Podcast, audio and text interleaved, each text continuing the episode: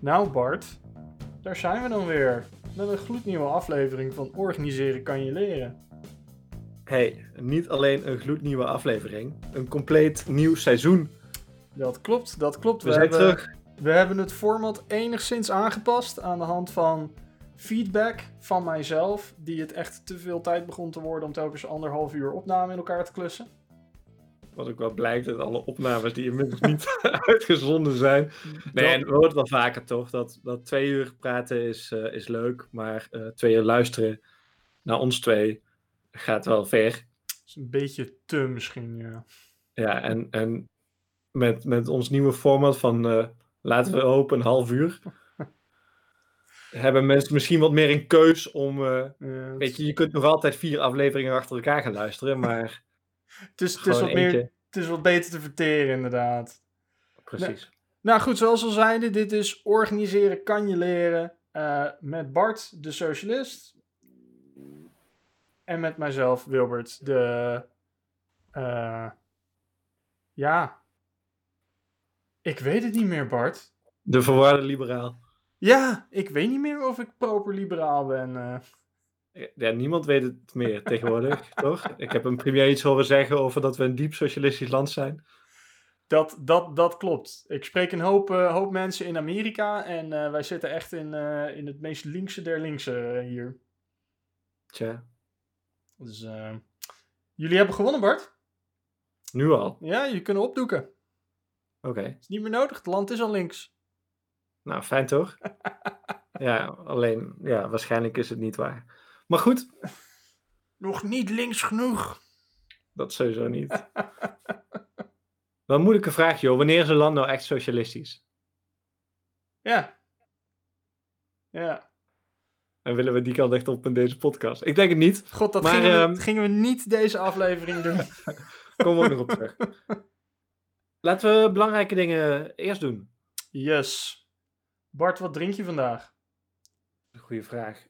Nou ja, laten we, laten we ook maar even erkennen. Normaal dan, dan zitten wij tegenover elkaar ergens in een, eh, in een eh, gezellige kamer in, eh, in Zeist. Het pittoreske, bebosde Utrechtse Zeist. En, eh, en nu zitten we toch, toch zeker zo'n, wat zal het zijn, 80 kilometer of zo uit elkaar? Zoiets, ja. En ja, kijk, Zeist is dan misschien het, het mekka van, van, van de verwarde liberalen. Eh, ik kom natuurlijk uit het, eh, uit het eh, Havana aan de Waal, Nijmegen. Ja, vandaar de explosies.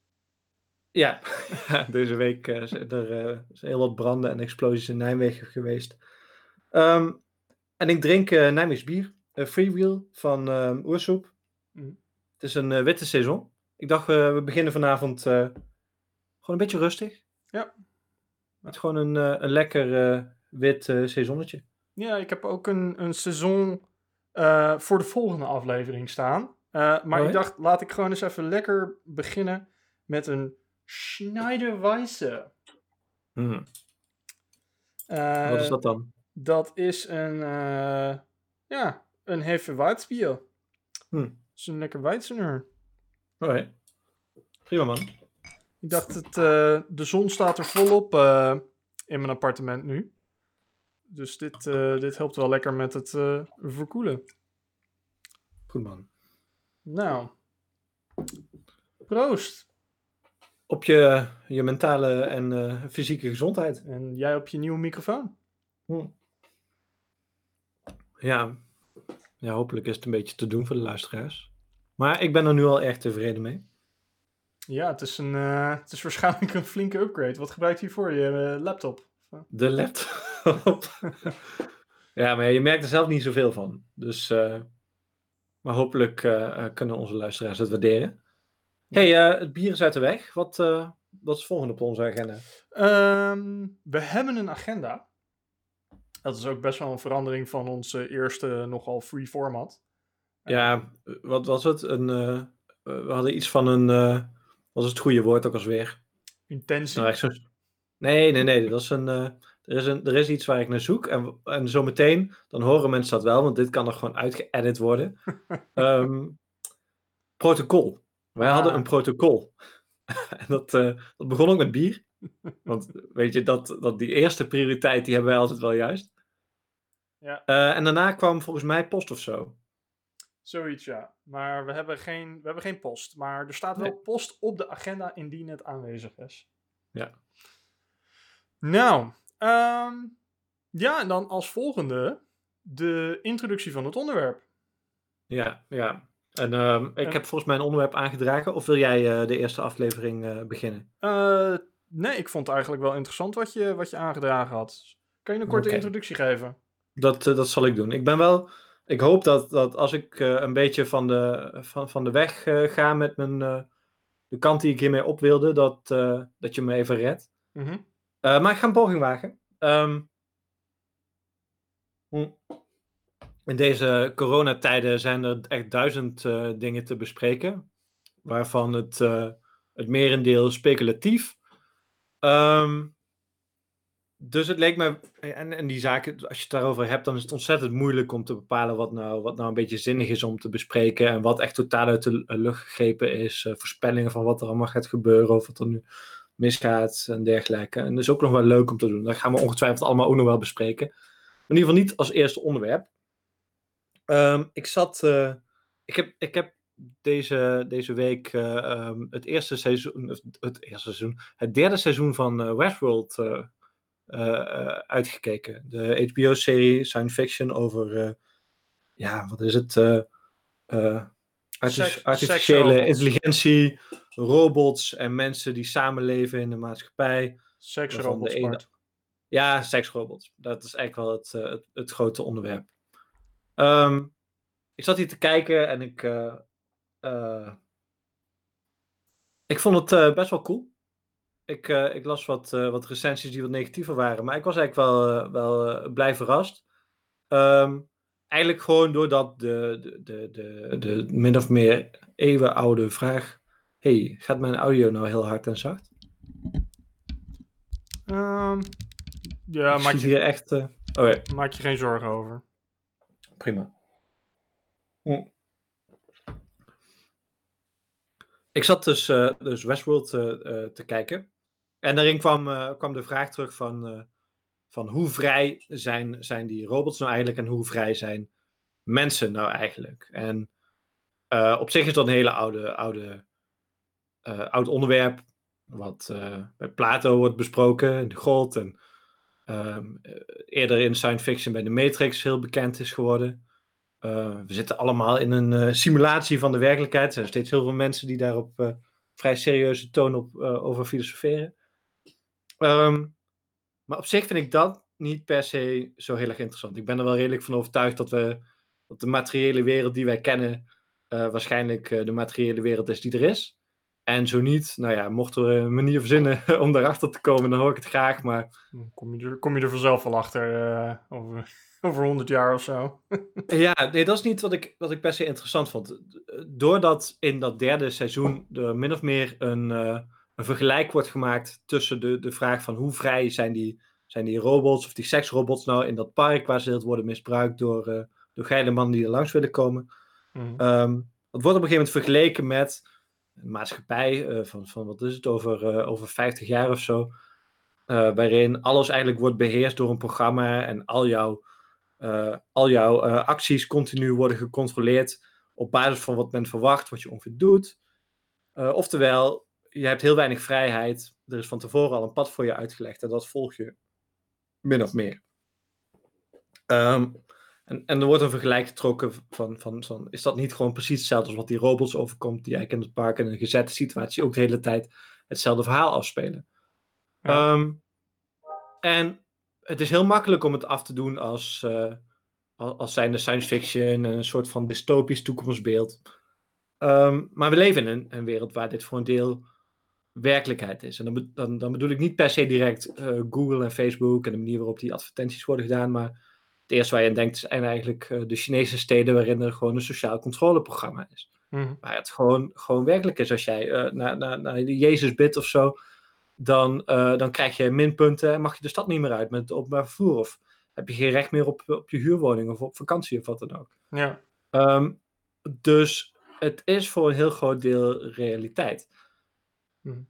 En het tweede waar, waarom ik het interessant vond, is omdat ik net uh, een, uh, een boek ook weer uit heb. Dus de, de Age of Surveillance Capitalism, wat eigenlijk begin vorig jaar uh, al heel erg veel is besproken in Nederland, van Shoshana Zuboff. Mm -hmm.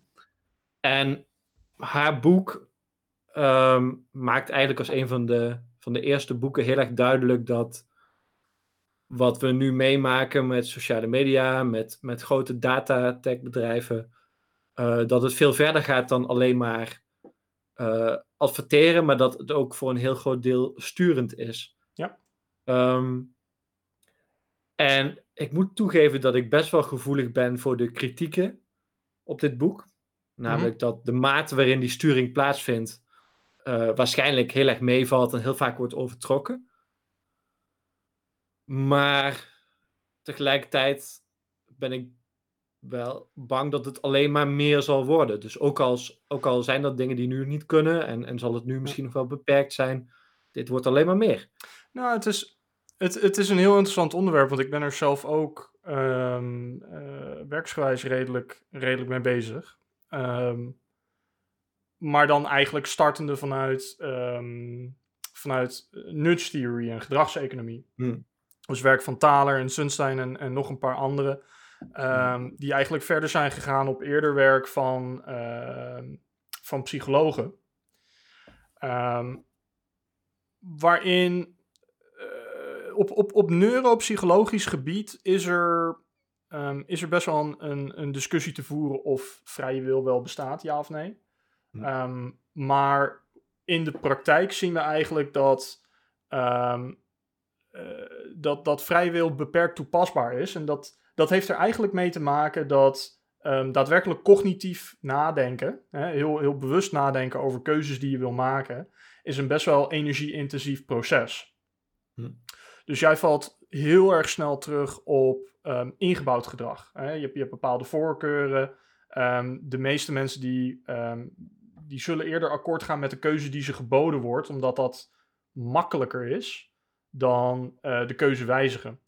Ja. Um, en daarin zie je eigenlijk heel interessant ook, ook weer dingen terug die in um, user experience, um, en daar kom, komen Google en Facebook en dergelijke terug, hoe, die, hoe die zo gegroeid zijn. om, je, om je een voorbeeld te noemen, en dit is, dit is een hele interessante quote van, van Facebook, toen ze net begonnen waren. Uh, ik heb zelf een tijdje, een tijdje geleden Facebook uh, stopgezet. Uh, omdat ik een beetje achterkwam dat het eigenlijk alleen maar depressie veroorzaakt. En je je naar laat voelen over jezelf. En dat is hoe ze je engaged houden. Um, maar die notificatieknop. Hè, je, je, ziet daar altijd, als je, als je inlogt, dan staat er zo'n lekker rood getal bij. Hm. En dat is niet zomaar. Want eigenlijk in een eerste versie um, was die gewoon wit. Ja. En niet heel veel mensen drukten erop en niet heel veel mensen waren ermee bezig. Maar op het moment dat ze hem rood waren, trok dat gelijk de aandacht. Nou, er zitten bepaalde connotaties ook bij. Um, en zie je in één keer dat mensen bijna verslaafd raken daaraan. Ze gaan er heel veel aandacht aan besteden om maar te zorgen dat er weer nieuwe notificaties komen. Want het geeft je het gevoel dat je bij de groep hoort. Ja. Um, en dus uh, er is een boek Neuro... Even om... even, ik maak hem even af. Ja. Er is een boek Neuroliberalism en dat gaat eigenlijk in uh, op, hè, want face, die Facebook-knop is slechts een voorbeeld, maar hoe heel veel van dit soort um, triggers en nutjes eigenlijk ingebouwd zijn in de moderne maatschappij. Hm. En het interessante daarvan is dat een gedeelte daarvan is um, by design. Daar hebben echt slimme mensen naar gekeken en die hebben, die hebben echt de keuzearchitectuur um, op zo'n manier ingericht dat het overgrote deel van de mensen die doet gewoon het standaardgedrag zoals dat ontworpen is. En die paar mensen die ervan afwijken, nou goed, die hebben de keuze om ervan af te wijken. Maar een heel ander, uh, of, of, een veel groter onderdeel daarvan eigenlijk is min of meer organisch ontstaan. Hm. Um, en dat, dat is eigenlijk best wel, best wel interessant. We zijn continu bezig met elkaar te beïnvloeden. Um, maar er wordt niet heel veel nagedacht over hoe we elkaar specifiek beïnvloeden. Nee, ik heb, ik heb wel eens ik geloof een podcast geluisterd over een van de mensen die heeft meegewerkt aan het eh, maken van de like-button bij Facebook. En wat die vertelde is dat op het moment dat ze dat, ze dat invoerden en merkte hoe succesvol het was, ze ook heel erg merkte dat eh, Facebook als een plaats waar mensen elkaar ontmoeten op wat voor manier dan ook, heel erg veranderde. Want zolang je geen like-knop hebt, heb je, ja, zien mensen wel wat je, wat je doet en reageren erop, schrijven er iets onder en dat is op zich uh, leidt tot een soort van conversatie. Maar op het moment dat je, dat je actief met een, met, een, met een hele simpele knop kan aangeven: ik vind dit leuk, hmm. um, leidt dat tot het maken van, um, van posts die dat dus ook als doel hebben. Dus in één keer wordt, wordt Facebook, of in ieder geval op dat moment heel snel veranderde Facebook in een plaats van mensen statement maakten. Hetzelfde zoals, zoals Twitter dat ook doet. Weet je, als je naar Twitter kijkt en je ziet een politicus een paar bouten uitspraken doen en daar heel veel gelijkgezinde mensen uh, retweeten dat. Ja, dat is precies dat, dat effect. En ja, is verder niet zo heel erg interessant om, om, om, om naar te kijken. Het is wat het is en het gebeurt de hele tijd. Het doet verder helemaal niks. Nou ja, het, en, en, en, tegelijkertijd. Um, God, ik weet niet weer. Ik weet even niet in welk land ze dat gedaan hebben. Maar hier in Nederland moet je bijvoorbeeld expliciet zeggen dat je donor bent. Hm. Eh, hè, want, want de standaard is dat je het niet bent. En ik geloof in een ander West-Europees land, ik ben, ik ben oprecht even kwijt welke het was, zoals Zwitserland of Oostenrijk of zo zijn, is dus omgedraaid. Je bent automatisch donor, tenzij je expliciet aangeeft dat je het niet bent. En, ja, in Nederland is dat nu ook zo. Ja, dus en, een tijd geleden is dat. Uh... En, en het interessante wat ze daar zagen is. Voor die verandering was het aantal donors misschien 8 à 9 procent. Um, gewoon vanwege de moeite die het kostte om, uh, om, het, om het aan te geven. Ja, klinkt raar, maar goed, zo is het nou eenmaal. Um, nadat ze die wijziging gedaan ha uh, hadden, meer dan 80%. Hm. Waarom? Omdat ook weer de meeste mensen vinden het gewoon niet belangrijk genoeg om de keuze te wijzigen. Hm. Of zijn er eigenlijk al wel tevreden mee. Um, en zodoende zijn er heel veel dingen die um, regeringen doen daarin. Maar inderdaad ook heel veel dingen die bedrijven als Google, als Facebook, als Twitter, als LinkedIn doen. Om eigenlijk het, uh, het, het keuzegedrag, de, de vrije wil eigenlijk, van hun klanten of hun uh, burgers te beïnvloeden. Nou ja, dat. Waar ik eigenlijk vooral naartoe wilde, en dat, dat ligt wel in het verlengde hiervan hoor, is wat ik een beetje mis in, in, in, Zubovs boek is, en, en eigenlijk ook in, uh, in Westworld, er gebeurt precies hetzelfde. Men idealiseert de, de, de situatie voordat uh, in Westworld bijvoorbeeld zo'n zo'n uh, supercomputer bepaalt, jij kan waarschijnlijk dit en jij kan waarschijnlijk dit. Dus men doet alsof er een situatie is dat wanneer die supercomputer weg is, dat je dan in één keer vrij bent. En dat is natuurlijk niet waar. Er zijn heel erg veel uh, sociale factoren waardoor je op allerlei manieren wordt beperkt. Eh, of dat nou economisch is, of, of ja. etniciteit, of wat dan ook. er zijn, zijn allerlei ja, mechanismen waardoor die vrijheid wordt, wordt ingeperkt. en de grote vraag is dus eigenlijk uiteindelijk van welke van die twee is beter? Of, of, of is er een manier om, om, om een van die twee de goede kant op te leiden? Ja, en, dat, dat wordt wel weer heel moeilijk. En, wat, en wat is vrijheid? Hebben wij vrijheid?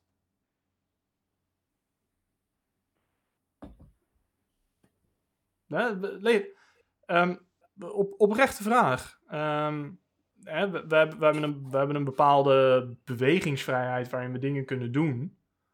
Uh, tuurlijk. Maar uiteindelijk zijn we wel beperkt door, uh, door onze financiële omstandigheden, sociale omstandigheden, door, uh, door ons intellect, door onze opleidingen. Um, dus, dus in zekere zin, ja. Um, maar je hebt hier veel, veel, veel filosofen en economen hierover geschreven. En grofweg zijn er eigenlijk twee manieren om hierover te denken: positieve en negatieve vrijheid. Mm. negatieve vrijheid heeft te maken met wat word je, waarin word jij actief gestopt, wat mag jij niet. Mhm. Bijvoorbeeld iemand neerschieten, dan word je gewoon opgepakt, in de cel gegooid. Uh, dus dat mag niet. Uh, maar positieve vrijheid, um, kun je iemand neerschieten, dan heb je een pistool nodig. Heb jij een pistool, Zo niet, nou, dan heb je niet de positieve vrijheid om iemand neer te schieten. Dus even Ja. een beetje een luguber voorbeeld. Mhm. Ehm, je kunt ook denken aan ehm, naar de dokter gaan. Ehm, ben je dat, heb je de, ja, de positieve vrijheid om dat te doen? Nou, als je daar genoeg eh, middelen voor hebt, of, of de staat maakt die middelen vrij, dan heb je die positieve vrijheid. Eh, en die negatieve vrijheid, ja, wordt het jou verboden om wat voor reden dan ook, dan bijvoorbeeld een financiële, ja, dan, Ja. dan kan het niet. Ja, dus, dus en dat, dat bedoel ik een beetje met, ehm, als jij, als jij zo'n hyperintelligente supercomputer hebt, hè, Mhm. ehm, die ehm, met, met, met, met als voorwaarde dan dat die over het algemeen de juiste keuzes maakt. Ehm, ja, wat, wat verlies je er concreet mee? Nou ja, dat is het, precies het punt wat de man die eh, in Westworld natuurlijk dat, Ja. eh, wat, het punt wat hij maakt. Ja, het is nog best wel ingewikkeld. Nou ja, de- een kans. Kijk, dat, want dat, is, dat is uiteindelijk wat, wat het punt is wat er in die serie ook wordt gemaakt. Ja, wordt de vrijheid ontnomen om andere keuzes te maken dan dat je waarschijnlijk gaat doen. Mhm. En dat is uiteindelijk ook wat, wat bijvoorbeeld Suboff eh, stelt. Facebook of eh, Google eh, zegt niet van jij moet nu gaan geloven dat jouw kinderen beter niet ingeënt kunnen worden. Nee, zij faciliteren dat mensen die daarvoor willen adverteren, ehm, dat die eh, het, eh, eh, de mogelijkheid krijgen om wanneer jij luiers koopt of wat dan ook, Mhm. of wanneer Facebook of Google om wat voor reden dan ook weten dat jij kinderen hebt. Ja. Zij verkopen die advertenties. Ja. Doen ze, de- zijn ze daar wel weer mee gestopt, maar dat deden zij. En dus dat maken ze mogelijk en daarmee maken ze het waarschijnlijker dat jij een andere keuze maakt. Dus daarmee vormen ze die, die keuze wel. Ja, maar door het niet te doen ontnemen ze jou mogelijk de kans om die keuze te maken. Het gaat, het, het, het gaat, en maar dit, dit is het eeuwenoude vrijheid van meningsuiting argument, hè?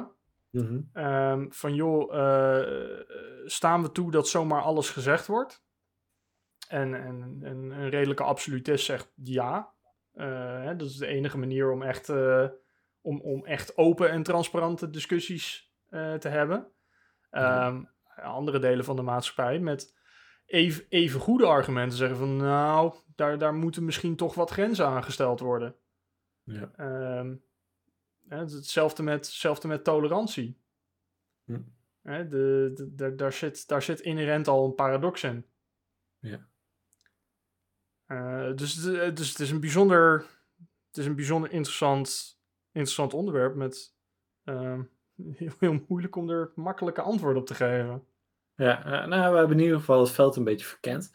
Ja. En een tweede punt waar ik een beetje aan zat te denken, wat er misschien wel interessant is om even een klein stukje in te duiken. Kijk, al deze onderwerpen kun je in principe gewoon eh, ook wel twee uur over volpraten. Daar niet van.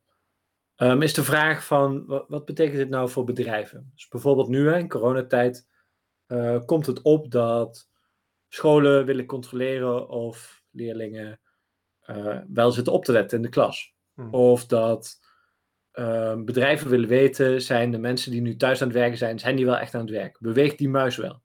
Ja, Hè, dus wat voor controle ga je opleggen aan je, eh, eh, je, je, je thuiswerkende personeel? Nou, het, is een, het, is een hele, het is een hele interessante. Sterker nog, ik heb, ik heb het laatst nog besproken bij een aantal klanten. Hm. Ehm, en ik, was daarin, ik ben daarin sterk eh, beïnvloed ook door, eh, door het werk van Cal Newport. Eh, die heeft een onderzoek gedaan naar ehm, wat is er nou nodig voor echt diep werk. Gewoon hoog Hm. cognitief werk. Ehm, en wat je daar eigenlijk, wat je daar eigenlijk ziet is, of wat ik, wat ik inmiddels de meeste leiders aanraad is, het is heel verleidelijk om heel controlerend te gaan micromanagen. En dus, dus- sterker nog, er is dus onlangs een mail langs gegaan van de Wall Street Journal, geloof ik. Waarin de manager zei van, joh, jullie zitten allemaal thuis, dus als het langer dan vijf minuten duurt om op een chat te reageren, dat kan echt niet. En die telefoon moet permanent aanstaan. En laat me weten wanneer je pauze neemt en interviews plant, want dan weet ik dat je even niet bereikbaar bent. Totaal micromanagement. Ja, En, en dan weet je in ieder geval één ding zeker, is die mensen komen gewoon niet toe aan werk, omdat ze continu gestoord worden, omdat Hmm. ze continu gecontroleerd worden. Dus ze gaan vooral heel druk lijken. En eigenlijk de boodschap die ik, die ik nu de meeste leiders geef is, je, wilt eigenlijk gewoon zo makkelijk mogelijk maken voor mensen om het soort gedrag te vertonen dat jij graag wil zien als leider. Eh, je, je, wil, je wil zoveel mogelijk, je wil alle keuzes die ze moeten maken met betrekking tot hun werk zo makkelijk maken dat hun volledige aandacht kan gaan richting echt die waarde toevoegende activiteiten die ze doen. Of dat nou programmeren is, of marketing of sales, of et cetera. Is dat het beïnvloeden van de keuzevrijheid? Potentieel. Ehm, de, de, de term die, die daarvoor gebruikt wordt is um, paternalistisch liberalisme. En wat, dat, en wat dat eigenlijk betekent is, um, we, de standaardkeuze die we maken, daarvan denken wij dat dat de beste keuze is. Maar uiteindelijk ben je vrij om af te wijken daarvan. Hm. En, dat is, en dat, dat, dat is nu een beetje wat je, wat je ziet gebeuren in deze, in deze tijd met, met bedrijven die dit wel snappen. Is die proberen het mensen alsnog gewoon zo makkelijk mogelijk te maken om te werken van huis. Hm. Ehm, zonder daarbij te vervallen in overmatige controle en micromanagement. Um, want ja, raar genoeg, dan ontneem je mensen helemaal de vrijheid om waarde toevoegend werk te doen. Raar genoeg, doordat je ze continu keuzes dwingt te maken. Ja, dat is wel heel specifiek voor een bepaald soort werk. Hè? Als je gewoon bij de McDonald's staat, dan heb je nog steeds uh, een bepaald getal wat je moet halen. Een soort van klantenscore per uur. Uh, ja, en dat, dat hangt er heel vanaf op welk getal er gestuurd wordt. Ja, maar ik bedoel meer dat, überhaupt dat er continu wordt gestuurd. Dus je hebt een norm, een bezettingsgraad voor wat er wordt verwacht op dat uur. Ja. En uiteraard wordt er geprobeerd om op 150% van dat getal te gaan zitten. Hè? Want ja, één of twee personen erbij, dat scheelt nogal wat. Ja, klopt. klopt. Nee, het is, ook, het is ook moeilijk en het zal ook echt verschillen van beroepsgroep tot hmm. beroepsgroep. Um, maar, maar het is inderdaad. Het, het interessante daarvan is, is dat um, als, je de, als je dit soort um, technieken en kennis goed gebruikt, dan stel je mensen eigenlijk in staat om uh, meer aandacht te geven aan de keuzes die echt belangrijk voor ze zijn. Hm. Um, als je het niet, uh, als je het kwaadwillig gebruikt, dan ontneem je mensen een hoop bewustzijn over de keuzes die ze maken. Ja. Ja, en je kunt allerlei neveneffecten hebben. Dat, dat wilde ik ook nog even noemen. Ik denk dat we hier wel ongeveer op het einde van dit uh, onderwerpje komen. Mm. Maar misschien het verlengde hiervan. En iets wat we ook al eerder hebben besproken. Uh, ik weet niet precies wat destijds. Waarschijnlijk ging het over Boeing. Uh, misschien ook over Chernobyl. Dus wat gebeurt er op het moment dat je gaat sturen op bepaalde waarden in een situatie van wantrouwen? Dan krijg je allerlei onbruikbare cijfers. Dus wat je nu wel vaak hoort is op, in landen waar bijvoorbeeld wordt gezegd van uh, hoe meer mensen met, uh, met corona je, je kunt helpen nu, hoe meer geld je krijgt. En wat gebeurt er vervolgens? Iedereen zegt, ja, iedereen heeft corona hier. Je hebt geen idee wat er werkelijk gebeurt. Maar ja, het gedrag is vol, volkomen begrijpelijk. Ja, klopt. Dat is, dat is het probleem van contextloos met cijfers spelen. Maar dat, dat is denk ik echt een gesprek op zich. Nou, niet, niet alleen dat. Ook, ook het, je zou het ook om je kan, zou gewoon kunnen zeggen van... joh, wij vertrouwen jullie, uh, maak de beste keuzes om iedereen te helpen. Ja. En kijk eens even hoe het gaat, zeker in een crisissituatie, hè, waarin je juist heel weinig op cijfers zou willen sturen. Uh, om dan alsnog, zeg maar, te verwachten van, nou, laten we deze ene... Ja. Als, je met, als je met professionals werkt met ethiek, dan, moet je, dan kan je ze gewoon vertrouwen, vind ik. Anders heb je andere problemen. Maar goed. Ja. Nou ja, goed, de, de, de, de andere kant van dat verhaal is misschien dat juist de zorg wel een plek is waar ook juist politiek wel een ding, een ding is. Ja, de macht van bepaalde mensen. Ja, po politiek is politiek doe je alleen maar als je er de tijd voor hebt. nee, ik bedoel het anders. Ik bedoel puur macht. Dus, dus wie heeft er meer te zeggen in een ziekenhuis over hoeveel uh, IC's er waarvoor worden gebruikt? Eens, eens. Maar dat, maar dat doe je als je de luxe hebt om daar beslissingen over te hmm. nemen en de tijd ervoor hebt. Uh, er zijn zeker nu in coronatijd best wel mooie voorbeelden nu um, van uh, zorginstellingen die zichzelf heel flexibel um, zelf organiseren om veel meer hulp te doen, waar, waar, waar juist even die politiek aan de kant geschoven wordt, um, waar de hiërarchie enigszins wegvalt, waar leiders zich veel meer druk maken met over het mogelijk maken dat mensen hun werk doen in plaats van het controleren. En daar lukt het wel. Ehm, en, het, en, en het is interessant dat op het moment dat de boel, ehm, dat het allemaal wel lekker loopt, dat men dan opeens aan de budgetten gaat zitten en machtscentra en al dat soort zaken. Hè, het, Ja. is echt, het is echt een luxe probleem. Oké. Eh, we zitten zo'n beetje in onze timebox, Bart. Ehm, om lekker af te Betekent dat we sluiten. normaal nog, eh, nog drie keer zo lang door zouden praten. Precies. Ehm, wat vond je van je biertje? Ik, eh, ik vond het prima, maar wel, het is wel echt een eerste biertje. Mooie opener dan. Ja, dat dacht ik ook. Ja, ja deze Schneider Weisse ehm, kwam uit een Beerwolf pakket, eh, Hmm. waar allemaal prijswinnende bieren in zaten. Ehm, en moet ik zeggen, van een paar van de vroege kan ik ook, kan ik ook wel goed voorstellen waarom dat was. Dit is, dit is gewoon een lekkere, lekkere Weizsäner, maar verder vind ik hem niet super speciaal zo. Oké. Oké. Openingsbiertje dus. Precies. Nou, Oké. op naar de volgende, Bart. Goed man.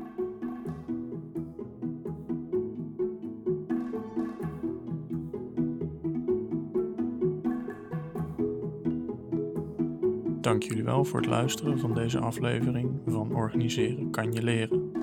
Mocht je vragen hebben over of commentaar hebben op hetgene wat we besproken hebben deze aflevering, of een suggestie hebben over wat we kunnen bespreken in een volgende aflevering, dan kan je ons bereiken op organiseren.pm.me.